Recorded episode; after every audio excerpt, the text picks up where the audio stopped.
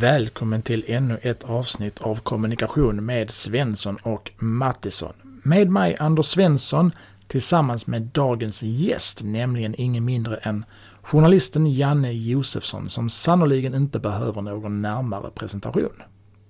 Jag var och träffade Janne hemma hos honom och den här inspelningen ägde rum i hans kök. Och därför vill jag be dig som lyssnar om att ha lite överseende med ljudet om det inte är 100% perfekt. Med det tycker jag att vi kör igång. Här kommer del 1 med Janne Josefsson. Ha en god lyssning och mycket nöje. Då hälsar jag Janne Josefsson välkommen till Kommunikation med Svensson och Mattisson. Okej, tack.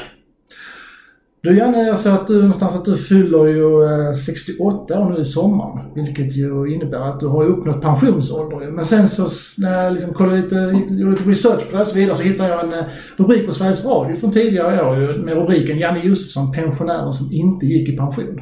Jaha, ja, den har jag missat. Nej, men det, är, nej, jag har ju inte gått i pension i eh, verkligheten kan man säga eftersom jag fortfarande jag har kontrakt med eh, SVT och också med Dagens Nyheter bland annat. Så att jag, eh, jag jobbar ju kvar, eh, eller jobbar ju fortfarande. Och det är ju... Jag tror att det är svårt för mig att lägga av för journalistiken har varit en sån viktig del av hela mitt sätt att vara och tänka och Eh, umgås. Jag, jag lever journalistik liksom. Och det, att de bara säger nej nu är jag 65 eller nu är jag 67, nu, nu är det slut. Jag har träffat journalister som tycker verkligen det. En i Skåne, Kalle Rockbäck, han var så lycklig över att få bli pensionär och han tyckte att nu kan jag sitta och tycka precis vad jag vill om alla historier som rullar fram på TV eller radio och, utan att kolla precis som han hade kollat eh, förr när han var journalist.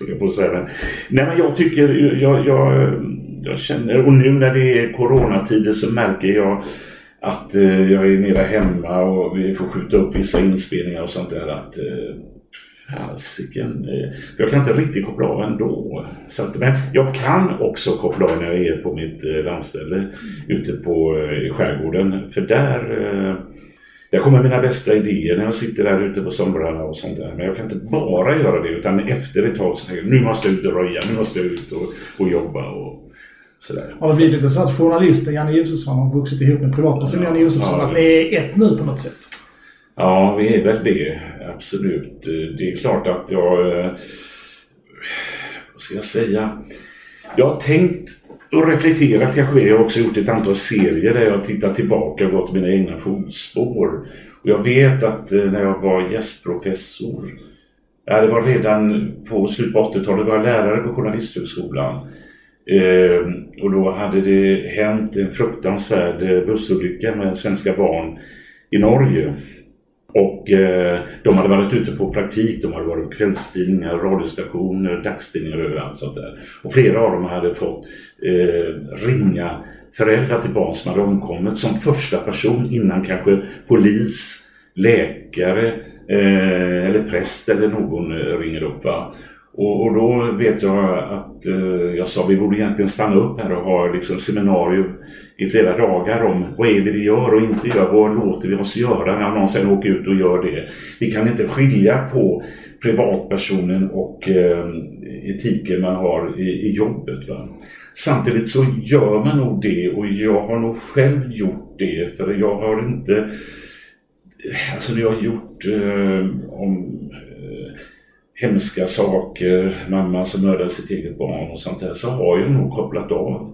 Och kopplat, för jag, jag liksom, en del tyckte så här, varför slog du inte ihjäl henne? Varför, jag, då är jag väldigt professionell ändå. Men jag har alltid räckt in olika saker och ting och liksom eh, reflekterat över var jag själv står och sånt där. Men ehm, jag menar, jag har ju varit i, när jag gjort de eh, förhärdade pedofiler i USA och träffat eh, fruktansvärda människor.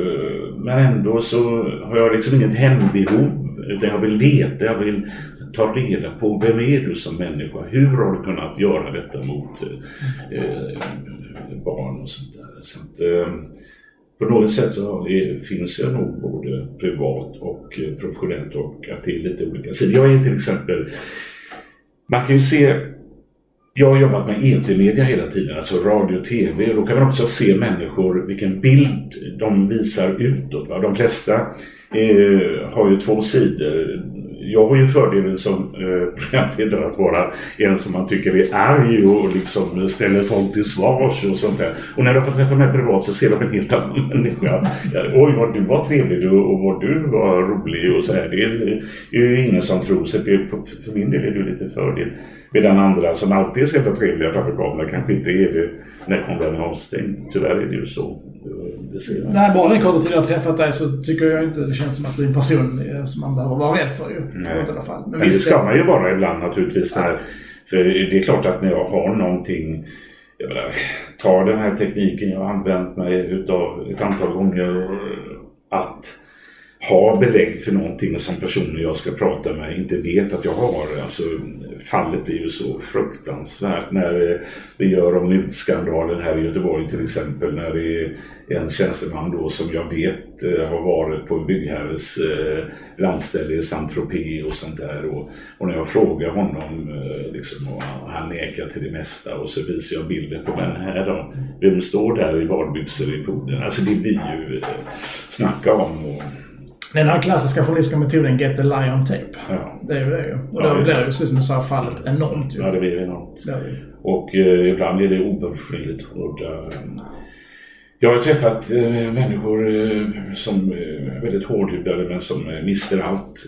Jobbet, eh, förtroendeuppdrag och jag, jag har träffat, jag har träffat Ingvar Kamprad, jag träffade eh, Antonia Axelsson Jonsson. Hon tyckte när vi gjorde om eh, till exempel i Uppdrag granskning något som gjorde mig jävligt förbannad och upprörd. Eh, det var ju när Stadsmissionen, eh, chefer där, tillskansade sig pengar som egentligen skulle gå till bostadslösa fattiga människor. Det, det, det triggar igång mig. Och hon hyrde in en PR-firma som satte munkavle på alla och sånt där och vi söker upp henne efter ett styrelsemöte. Det jämförde hon med, hon bjöd in mig till en middag, hon jämförde det med eh, en våldtäkt och jag säger liksom våldtäkt, du var ju ändå ansvarig men hon, hon stod på sig där va? och eh, hon kände det så. Hon förlorade internationella förtroendeuppdrag och blev väldigt eh, utsatt. Och det, man måste begripa det. Men samtidigt tyckte jag, jag, jag tycker fortfarande just det var var rätt och att vi nog aldrig riktigt kan bli överens. Att jag har en roll att avslöja, att granska, att berätta saker som folk vill dölja och sånt där. Och eh, det blir oförsonligt ibland, ingen tvekan om det. Jag tänker lite grann, hur har, hur har det liksom varit då? Säg att ni liksom publicerat avslöjanden ja, en vecka ja. som ni också i redaktionen är väldigt, väldigt nöjda med. Ja. Och sen när liksom veckan går och man blir kanske ledig på helgen och du sjunker ner i soffan med ett mm. glas vin eller vad det var. Kan du känna en tillfredsställelse av att det här blir jättebra? Eller kan den här människan vars liv du kanske har förstört och slagit i spillror gnaga kvar i dig? När du ändå sitter där på din kammare och är ledig? Ja, det är också, det var det som är dilemmat och ska man vara riktigt ärlig så eh, när man kommer in på det här privat och, och ens jobb och sånt där. Alltså de kickar som jag har fått som journalist att liksom breaka, att eh, ICA fuskade med kött Osmo Osmovall och valstugorna som naturligtvis helvetes många politiker led av naturligtvis väldigt hårt. Inte bara de själva, det har skrivits flera böcker om det. Eh, deras familj, deras barn och sånt där. Så skulle jag ljuga om jag inte eh, kan känna tillfredsställelse efter den typen av reportage som jag då vet skadar personer. Men jag har reflekterat över det genom åren mer än vad kanske många tror. För jag, jag känner ju också att det är jag som är ansvarig. Jag kan inte bara säga det. Är ansvarig utgivare. Det är mina chefer som bestämmer. Det skulle jag aldrig bara hänvisa till. Jag måste kunna se folk i ögonen och jag måste kunna se mig själv i spegeln. Men eh, det är klart att jag har hållit mig ifrån det ibland. Alltså inte eh, om, man, om, man, tar eh, eh, ja, små Valvo till exempel. Alltså det var polisen som hade ihjäl en, en missbrukare i Karlstad. Alltså, Hannes och jag fick Stora Journalistpriset. Det var första gången jag fick Stora Journalistpriset, 98 tror jag. Och vid något tillfälle blev jag uppringd av en person. Bara, eh, det kan ha varit, ja, jag vet inte om det var innan eller efter vi hade fått Stora journalistpriset, i alla fall att ena polismannen skulle ha tagit sitt liv. Och jag kommer ihåg eh, vilka tankar jag innan, det tog en halvtimme för mig för att eh, få fram att det stämde inte. Men under den halvtimman så kommer jag ihåg att jag satt på mitt kontor i Göteborg på Norra Hamngatan där och liksom tänkte herregud ska Hannes jag skämmas över det vi har gjort nu? Här sitter vi och får Stora Journalistpriset och här, sitter, här har en tagit livet av sig som, som jag fick med i, i programmet genom att övertyga honom och ställa upp och sånt där. Och, eh, vilket han led av naturligtvis. Och eh, nej men det, det, det vimlade tankar i huvudet på mig liksom. Eh, eller eh, det är klart att detta kan hända. Det vi gör kan få en person att lida något fruktansvärt med sin familj och alltihopa. Det måste vi eh, Eh, Eh, liksom räkna in och vara medvetna om även om vi försöker hålla det ifrån oss. För det känns så jävla obehagligt. Och vid något tillfälle här bara för något år sedan när jag gjorde en serie så ringde jag upp en person. Där fick vi också ett eh, journalistpris för det programmet, eh, Hans Råstam och jag, Guldspaden. Och, eh, och det har förflutit 25 år och jag ringer upp honom och säger att hej jag heter Janne Josefsson på Sveriges Television, jag vet inte om du kommer ihåg, men om jag kommer ihåg det, jag hatar dig. Eh, vet du att jag höll på att ta livet av mig, säger han. Eh, så att, eh, att säga att man eh, Alltså, man kan säga så här, alltså, eh, ska, ska man undvika att försätta sig i en situation där man vet att det kan leda till ett helvete för den personen jag ställer till svars då ska man inte jobba med detta, då ska man gå över till drama. Jag har fått förfrågningar om att gå över till drama och sådär. Men eh, så att på något sätt så måste jag eh, ha svarat ja till min egen fråga. Att eh, jag är beredd att sätta en människa i en sån jävla situation att den kan ta sitt liv. Ja, så, så jävligt är det ju. Mm. Men då, det gäller fasen vad jag har på fötter alltså. Mm. Eftersom det är irreversibelt det vi mm. gör. Alltså det, det är ju, jag märker ju alltså att eh, för att springa gatlopp efter det program som vi har gjort eh, eller sånt där. Det är, är, och jag, vad som har varit nyttigt också är att jag själv har blivit utsatt för journalister. Mm. Som liksom har, och där har det varit förvanskade grejer om eh, det var någon gång i grevseminarien där jag mötte eh, Maria Svedland och det hittades på saker. Och det tog, tror jag, en vecka, 14 dagar innan det kom ut ett band där det visade sig att jag hade inte sagt det som hade eh, sagts om mig och tillvitat mig. Eh, Eh, och då, då, då kände jag ju själv hur det liksom darrar eh, i benen och komma till jobbet. Och då hade varit en stor löpsedel jag såg här utanför, jag bor i Göteborg.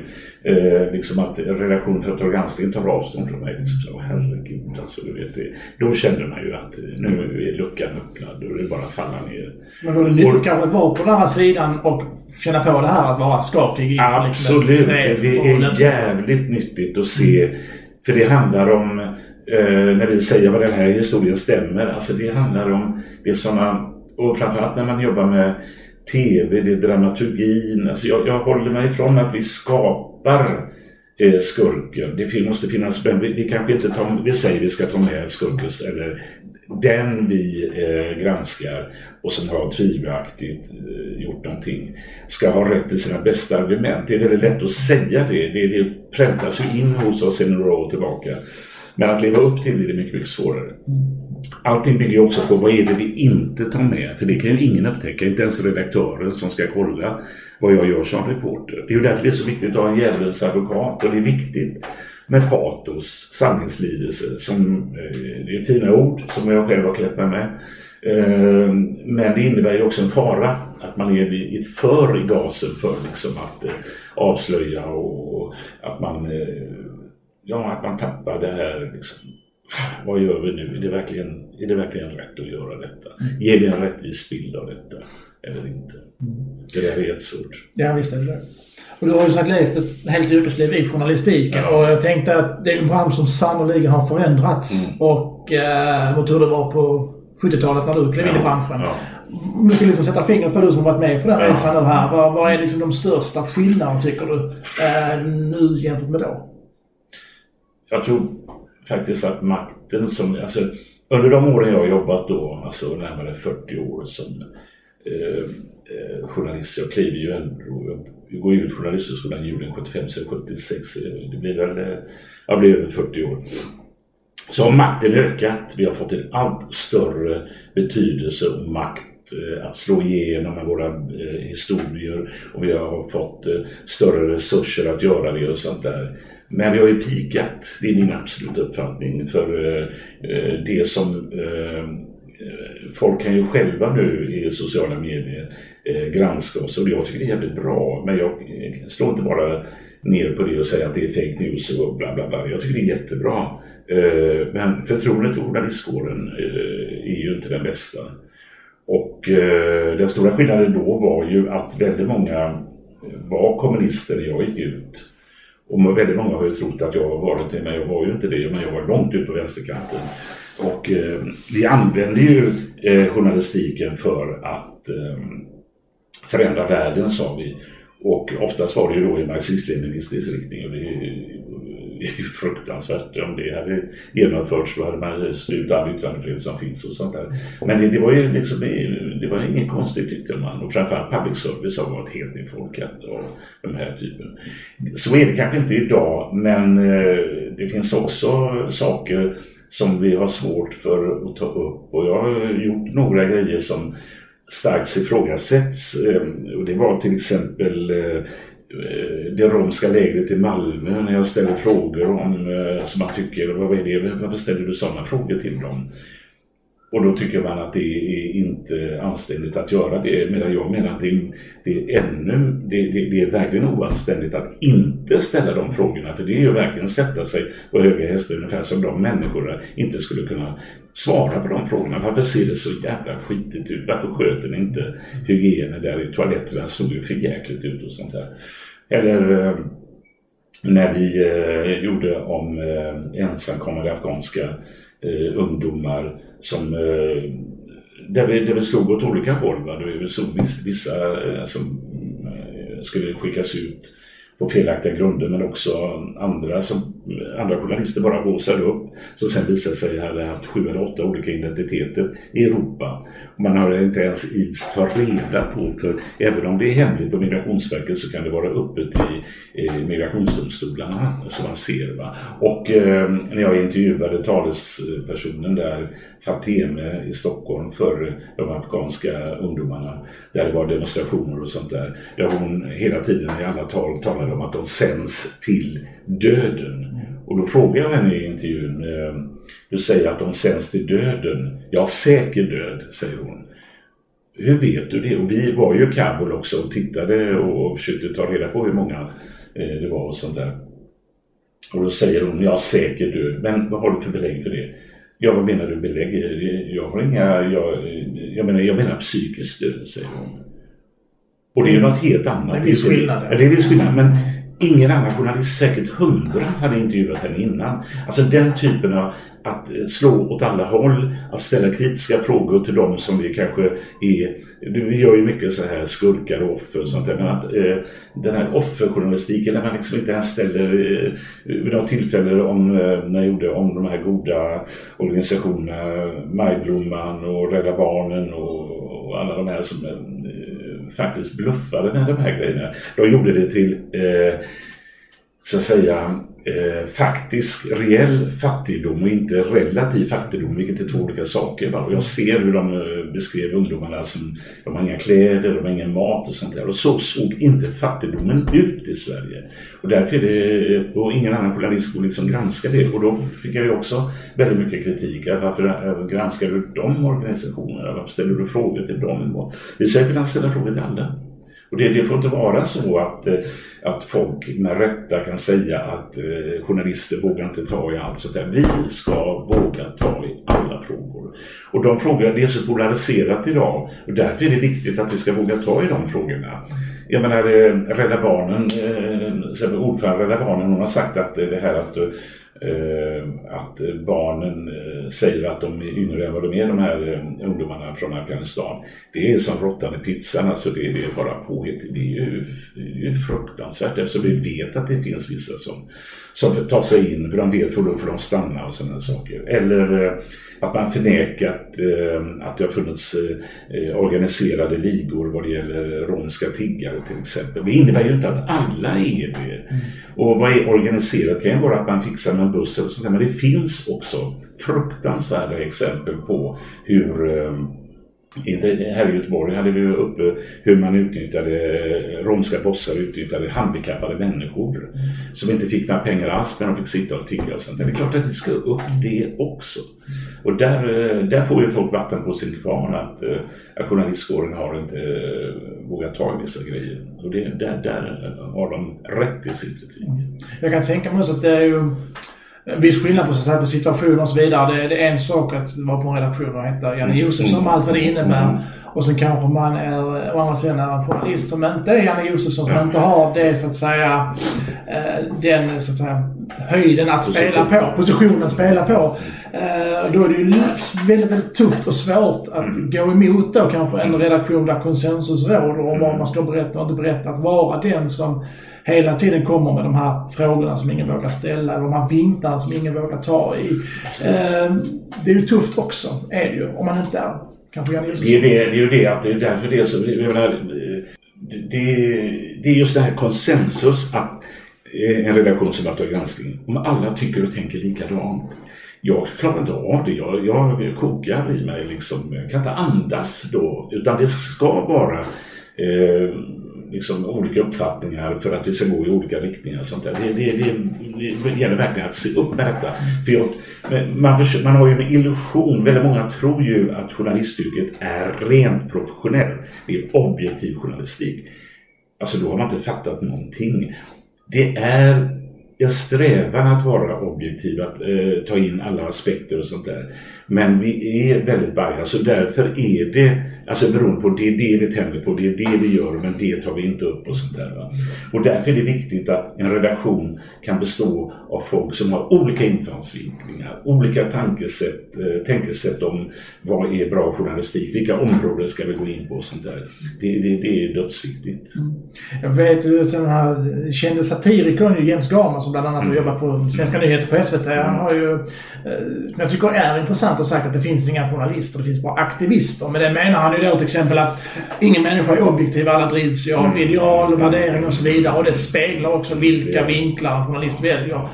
Håller du med om honom? Inte helt och hållet kanske. Det är klart att journalistiken är ett yrke som vi ska kunna vara stolta över men det finns, eh, det är någonting i det att vi, alltså att, att bara säga så här, nej men vi är aktivister. Om jag säger så här, ja vi är aktivister allihopa, jag är aktivist. Då, då, alltså det finns ju, då, då kan man ju lägga ner hela den här jävla eh, etiska formen för hur, vad är ett hederligt reportage? Eh, då kan man ju hänge sig åt bara att bekräfta sina egna åsikter. Det är ju fullständigt ointressant journalistik. Jag ska ju, så att jag håller inte med om det. Men jag håller heller inte med de som säger att vi är bara professionella. Så enkelt är det inte. För vi påverkas mer än många andra yrkesgrupper eh, av vad vi tycker och tänker själva. Och vi har en makt som gör att vi kan eh, eh påverka eh, väldigt mycket. Därför får man vara väldigt, väldigt aktsam. Eh, om, man ska vara klar över att eh, att det är lätt att bli aktivist och därför ska vi se upp med det. Mm. Ja, för jag har ju alltså, sagt, efter alla år, jag har 15 års erfarenhet av att jobba i mediebranschen, jag har ju själv sett från insidan hur, hur sköra många journalister faktiskt kan vara mm. för både yttre och inre påverkan. Alltså, ibland så kan det ju räcka liksom med en, en endaste liten kommentar från någon mm. läsare på Facebook i tråden som kan få den journalisten att liksom bli i obalans någonstans. Om det heter oj nej nej men shit och börjar liksom tvivla på sig själv. Och jag bara nej men vadå du, du har på fötterna, strunt i det. Det blir klart det kommer kritik och så vidare. Det måste man ju någonstans mm. tåla men usch nej alltså, de, de, liksom, hur lite det kan krävas för vissa. Mm. Och det är ju så olika som människor såklart. Mm. Jo det här är. Jag menar jag är ju också det här, jag är, jag är privat kanske rätt konflikt rädd. Jag är inte så jävla glad i konflikter. Men i mitt jobb har jag ju verkligen ställt till konflikter och eh, det, det bygger ju nästan på att vi hamnar i konfliktsituationer. Liksom. Mm. just det här att svensk media skulle vara vänstervriden mm. på något sätt. Tycker du att det är så? Som, som ju många påstår. Det finns många som inte tycker så också, givetvis. Men, men det är ändå en, en debatt som, som ju hänger, hänger i. Jo, men alltså, det, jag vet inte hur många kommunister jag har träffat eh, inne på public service, på Sveriges Radio och Sveriges Television. Jag har haft chefer som eh, har varit kommunister. Jag har haft chefer som har sagt att kommunisterna ska vi inte granska. Och jag, eh, jag var ju som ung reporter i Sovjetunionen och hade eh, och blev, utkastad, blev utkastad och jag smugglade in programmet i en eh, cigarettpaket och hade chefer då som var, tror jag till och med satt i Vänsterpartiets partistyrelse. Och sånt där. Det är klart att eh, det har påverkat. Alltså då på tidigt eller 1970-tal, slutet av 70-talet då på samhällsredaktionen på Sveriges Radio. Det var, det var ju lite, när det blev hettade till i diskussionen så var det ju eh, de som höll på eh, Moskva och de som höll på Peking som vi råkade i rymmen på varandra. Så det var ju helt öppna diskussioner på, om de grejerna. Märktes det utåt sett på själva rapporteringen? Alltså hur tänker du att då mot nu satte man en större ära för att det inte skulle Ja, även om alla liksom, många hyste vänstersympatier mm. så skulle det inte märkas utåt. Var det en större Men, ära i det förr eller är det en större ära i det idag? Jag vet inte. Det är, alltså, det är ju inte så eh, öppet och tydligt att man är organiserad. Det är inte många som är organiserade. Då var det ju inte något problem ens att de gick ju första majtåg för maoistiska grupper och, och allt möjligt och Moskvatrogna och sånt där. Det var ingenting man eh, dolde liksom. Idag är det kanske eh, på ett annat sätt. Va? Och eh, man eh, det, det, finns en bias idag just att vägran att ta i vissa frågor och, och, det är inte bra. Vi ska kunna gå in i alla frågor och det gör vi inte riktigt. Och jag tycker också att man inte riktigt förstår när folk Eh, Eh, det är ungefär som kritiken går ut på att vi ska inte vara oberoende. Men de förstår inte att kritiken mot oss är att vi inte är oberoende. Och det måste vi vara. Vi måste ta det på allvar, den kritiken. Och vi ska kunna försvara det om, vi, om det är okynneskritik. Men vi ska också vara öppna för att här finns eh, eh, saker som vi... Jag tycker också att man när det det är allt det som alltid kläs i det goda. Vi har haft några eh, på senare tid fällningar i metoo-skandalen till exempel. Eh, bland annat en fantastisk dokumentär om, eh, om Josefin Nilsson. Men den ser man ju att eh, man eh, och den fälldes senare också för att de har ju inte ens frågat den mannen som mer eller mindre pekas ut, eh, även om han inte namnges. Va? Och eh, vissa saker det, alltså man måste begripa hur man kan bygga ett, eh, en dokumentär eller ett reportage i TV där vissa saker om det utelämnas så får det en annan effekt. Till exempel om, om det finns vissa saker, whiplash-skador eller andra saker som kan förklara eh, att hon blir väldigt sjuk och dör sen. Eh, medan tar man inte med det så ger det en större och starkare bevisning att det är mannen som ledde henne ända in i döden och sånt där. Om man som ansvarig utgivare inte fattar det så är det ju en oerhörd brist och jag har också kritiserat det. Men det finns heller ingen diskussion internt inom SVT om de här grejerna tycker jag. Eh, jag tycker det är svagt. Och eh, vi har ju dessutom ett liv som offrades i, metoo med Benny Fredriksson och det gjordes också en film i SVT eh, bara ett par veckor innan han tog livet av sig. Om, där man tycker jag redan då när jag såg den filmen, det här, har man, det här håller inte. Va? Eh, man pekar ut Benny Fredriksson på ett, eh, om sextrakasserier och sådana saker. Det klipps bort sen, efter att han har tagit livet av sig. Men inga diskussioner, inte, man skulle ha möten om det. Varför, hur, hur kunde det här gå till? Och, och, ha en öppen diskussion. Men eh, man är rädd för att det skadar, men det skadar mer att inte diskutera det, tror jag. När du så tydligt går ut liksom och, och vädrar din åsikt kring din egen arbetsgivare och hur ni hanterar det. Hur, hur blir du bemött internt av andra kollegor och chefer? För jag gissar ju på att de har en annan bild och jag tror inte de är så jävla glada. Det är ju liksom... Eh, ja, jag har ett minne av när vi hade en diskussion på pressklubben i... Eh, Publicistklubben i Stockholm.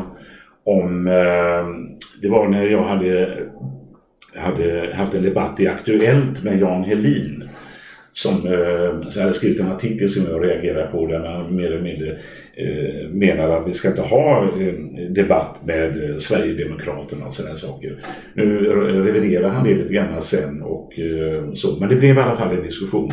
Och då hade jag, mötte jag min gamla chef eh, eh Mikael Olsson som tycker att eh, när Sverigedemokraterna kan vi aldrig ha med i direktsändning.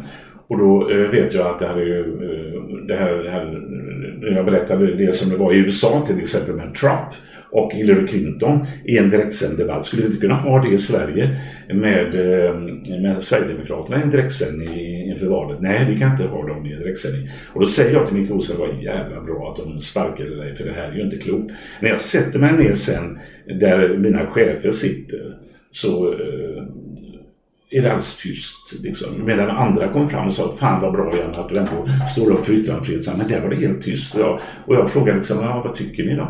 Ja, jag tycker eh, ni var bra alla. Ja, då reste jag mig och gick liksom och tänkte vad fan är det här?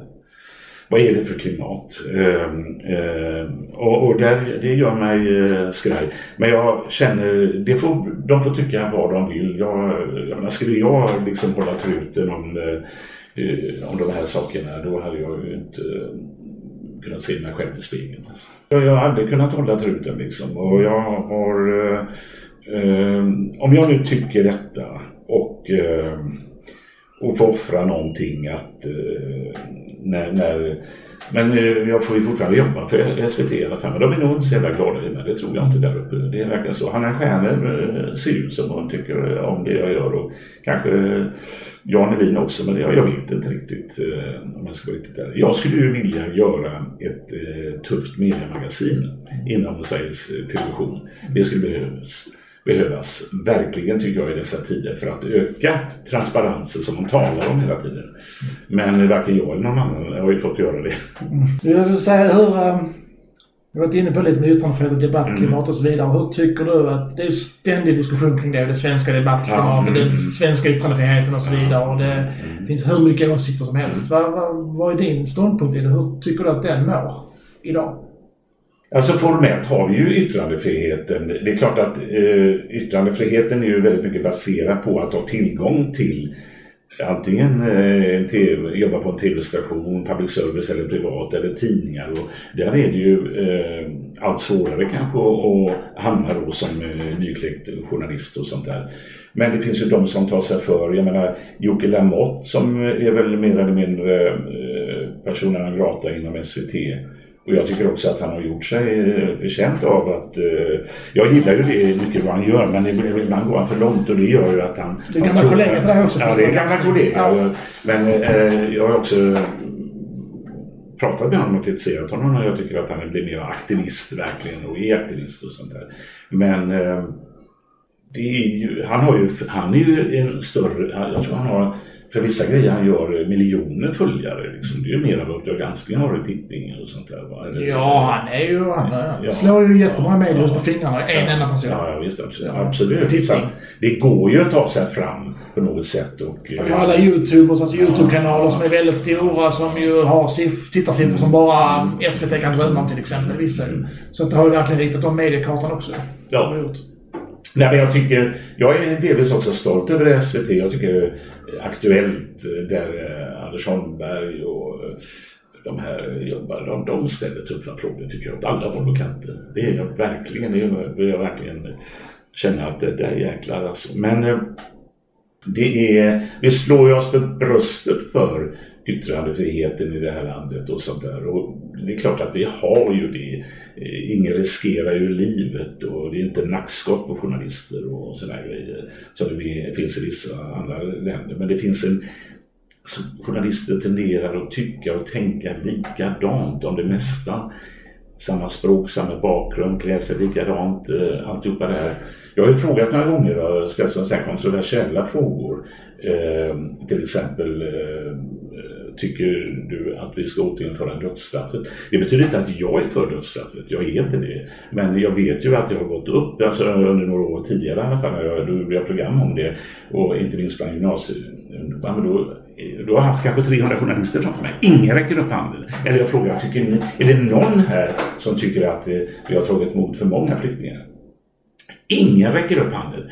Antingen vågar de inte eller så Tycker de inte det, då är de ju verkligen icke-representativa. Totalt icke-representativa. Jag skulle säga det, för de åsikterna finns ju ja, de finns ju. var varannan ja, person. Jag förstår du? Så det ja. finns ju.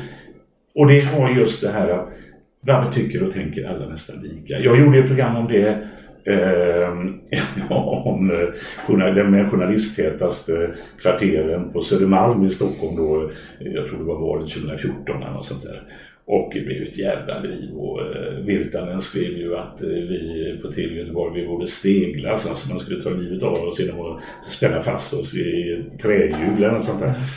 Eh, men det finns ju någonting där som, eh, där man tar saker och ting för givet och eh, det, det finns ett hyckleri som jag har jävligt svårt för.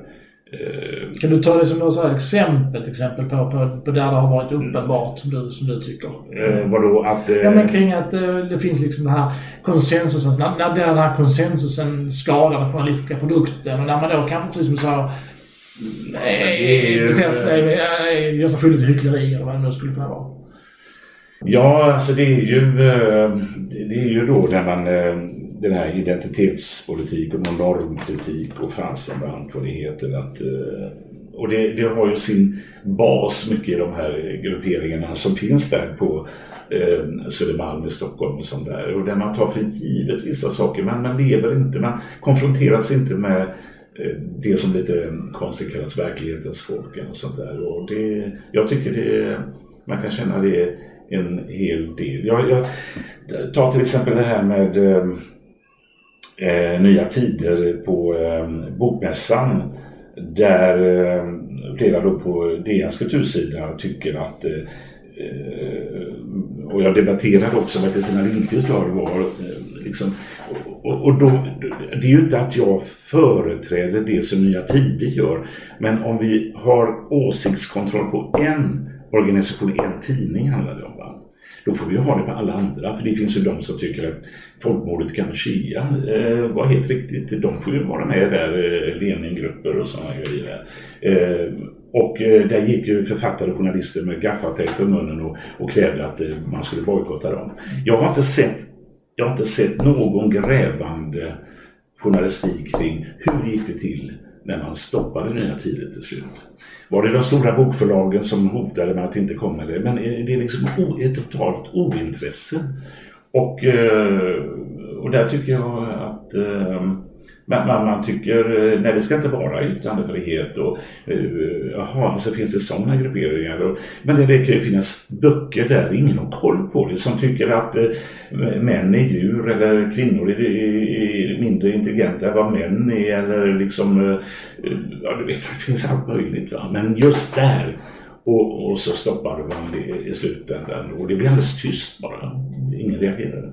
Tycker du liksom att det här generellt att yttrandefrihet ska liksom någonstans stå över allting? Att vi, vi ska vara toleranta för alla typer av åsikter? Eller finns det någonstans där vi intoleransen borde träda in? Ska vi verkligen alltså, släppa fram alla? Yttrandefriheten är ju inte alltid någonting som man man kan råka ut för den och hata den. Man kan, alltså yttrandefriheten kan ju innebära att man kränker människor, det kan fördärva liv. Det är ju inte bara någonting jättegott, tvärtom. Liksom. Eller inte tvärtom, men det kan eh, eh var, uppfattas det av människor som känner sig kränkta och sådär saker. Va? Eh, vi har vissa inskränkningar i yttrandefriheten, bland annat eh, på senare år, i om man går kanske bara 10-15 år, det är ju det här hets mot folkgrupp till exempel. Där tycker jag, jag accepterar det. Eh, och vi har, vi, vi har ju också det här att man kan eh, eh, stämma någon för förtal och sådana saker. Det är inte lätt att vinna ett förtalsmål. Mm, så det finns begränsningar men... Nu har du lagt kommit till ytan nu med sociala medier ju, ja, där, där, det kan få enorma spridningar. Det har blivit ett aktuellt just det här förtal ju. Absolut. Det var kanske inte så vanligt förr att man nej, nej. det. Men eh, det, alltså det, jag, jag, jag har ju diskuterat det här med eh, människor med journalister som tycker liksom att det är bara fina värdegrunder. Vi ska bottna vår egen värdegrund, vi ska bara släppa fram sånt. Då har vi ju själva strypt yttrandefriheten. Och då är det de som går i bräschen för detta är själva då journalister och författare. Det är ju anmärkningsvärt alltså. Och, eh, ja. Varför tror du det är så? Det är ju det här att man inte riktigt har förstått eh, och att man tycker att bara goda värderingar ska komma fram. Man inser inte att det stryper. Det, det, alltså det, det, ja, jag, tycker, jag, jag tycker det är att, det, att, det, att den typen av mörkerkrafter eh, härbärgeras i de här kretsarna av författare och journalister. Det, det är, no, är det något som gör mig mörkrädd så är det det.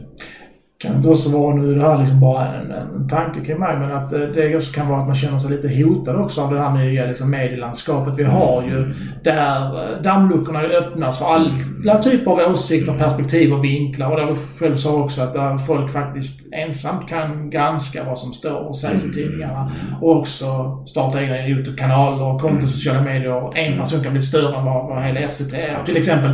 Att det har också förskjutit makten och att man i en rädsla där känner sig hotad och tar till de här sakerna men inte förstår mm. den långtgående konsekvensen av det. Jo, eh, journalistyrkets legitimitet liksom eh, hotas och eh, äventyras och eh, i takt med att det här ökar då de alternativa medierna mm. så, eh, så minskar eh, våran makt och det gör oss skraja. Men jag tror eh, om vi ska behålla, allting bygger ju journalistyrket bland annat, inte minst handlar om förtroende. Om vi ska ha folks förtroende så måste vi kunna liksom eh, visa utåt att ja, vi litar på er. Jag menar, jag, jag var i Italien då för 5-6 år sedan när Beppo Grillo började härja och ingen hade väl trott att han skulle kunna starta och bli det största partiet i Italien. Han slutade ju ställa upp på intervjuer. Han bara hyrde torg och stod och, och, och malde och så sa han liksom eh, eh, fuck you till eh, journalistkåren och folk bara applåderar och sånt där. Det är, som Trump också. Det är som Trump också. Och, de, eh, och då, då finns det ju en grogrund för det. Och det måste vi ju se upp med. Det betyder ju inte att vi ska göra det bara som folk vill och, och applåderar att, eh, eh, vad de kräver. Men folk, vi, måste, vi måste vara klara över att det är ett förtroendeuppdrag vi har.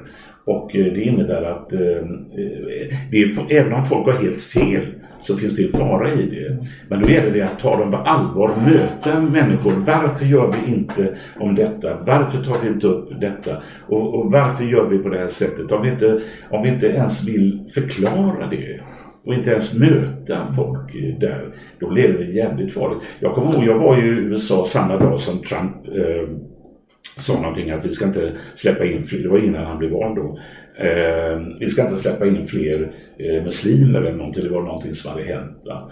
Och då frågade jag, det var Jesper Parnevik som jag frågade då, han hade spelat eh, golf med Trump. Och, han, han, är ingen Trump-anhängare men jag frågar, nu, nu har han väl skjutit sig själv i foten, nu kommer han väl aldrig kunna bli Republikanernas presidentkandidat. Och då förklarar han ändå för mig att det finns eh, en, en eh, alltså en, en, eh, en eh, opinion i USA där man är liksom fed up med de här politikerna som står och säger alltid rätt saker och tittar rakt in i kameran och God bless America och sånt där. Eh, så att han kommer nog kanske att bli det och han blir ju till och med det och han vann valet. Och där kan man väl säga att um, SVT fattar ingenting. De gjorde reportagen efter valet som försökte förklara varför eh, eh, vissa, eh, att han kunde vinna. Det skulle de gjort innan, man ville inte ens begripa.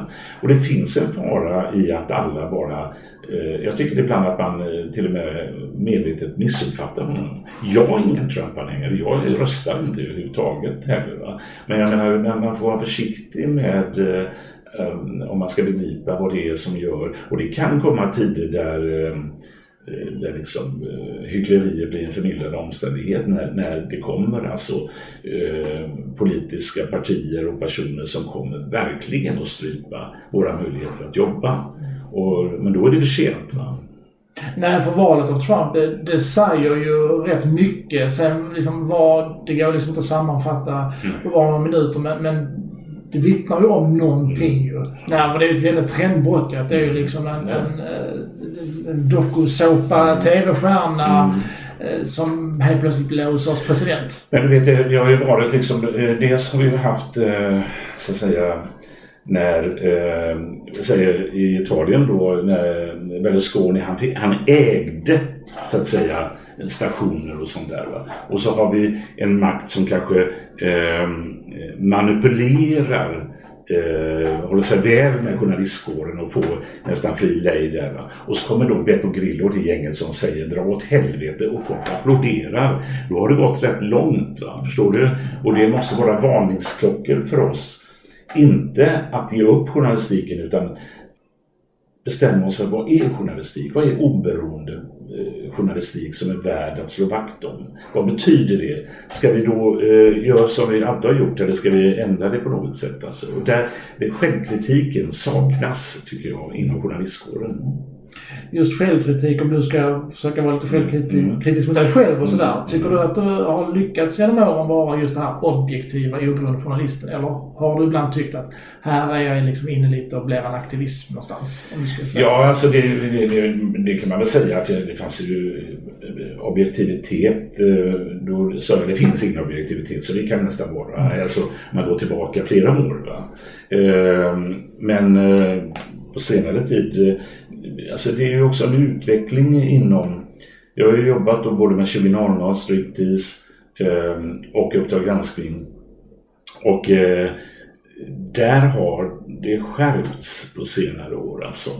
Eh, där man liksom eh, försöker verkligen förstå att ja, den kanske inte blir fälld där eller sånt där. Men har vi verkligen tagit upp alla aspekter? Har vi gett alla en fair... Är det fair play det här verkligen? Det är ju det ehm, eh, folk ska kunna vara klara över. Ehm, eh, det ska vara fair play det vi gör. Även om vi ibland kan ha en dold agenda liksom, där vi inte säger från början vad vi vet allting och sånt där. Och där tycker jag, både jag själv och eh, de som jobbar med Uppdrag granskning, att det har hänt en hel del genom åren. Och säger jag det så innebär det ju att jag svarar ja på din fråga. Ja, jag har gjort grejer som jag tycker eh, eh har varit eh, bias och vinklade. Och även redaktionen har gjort det tidigare och det kommer att hända även i fortsättningen. Men man är mycket mer medveten om det och till, till vad det kostar också i minskat förtroende. Och det är konstigt att säga egentligen. Eh, journalister är människor precis som alla andra och ja. man gör bra och mindre bra saker. Mm. Så är det givetvis. Jo men det är ju det där när eh, alltså att råka ut för att eh, springa gatlopp, alltså att eh, bli pesten i media. Va? Som eh, Paolo Roberto nu i, i dagarna här råkar ut för. Alltså det är ju... Eh, jag, jag har sagt det många gånger genom åren att det, många gånger att bli utpekad som eh, skurk eller klandervärd i Uppdrag granskning det är ju värre än att sitta inne fem år på Kumlaanstalten. Att bli offentlig, att bli hudflängd, varenda människa känner igen dig. Eh, och det var ju där metoo slog fel. Jag känner ju en del som pekades ut som, som där, där det inte fanns någon grund för det. Och det är ju eh, det, det är fruktansvärt. Fängelse, fängelse finns det ju början och slut på. Ja. Fem år så kommer jag ut. Men det här straffet som du ja. hänvisar till, ja. det kan ju vara livslångt. Absolut. Jag vet inte när det tar slut. Nej. Om det någonsin gör det. Ja, och folk lägger till och drar ifrån och det är allt möjligt. Alltså, man har ingen, och det, samtidigt som vi ska kunna peka ut du är ansvarig för det här företaget. Du är ansvarig för det här äldreboendet. Varför är det på det här sättet? Och för att slå vakt om det så måste vi ju verkligen se att, eh, att det är fair play, att vi har på fötter och att det är befogat att göra på det sättet. Det där var del 1 med Janne Josefsson och eh, nästa avsnitt, alltså del 2, släpps onsdagen den 17 juni och från och med då så hittar du avsnittet alldeles in till detta i din poddspelare.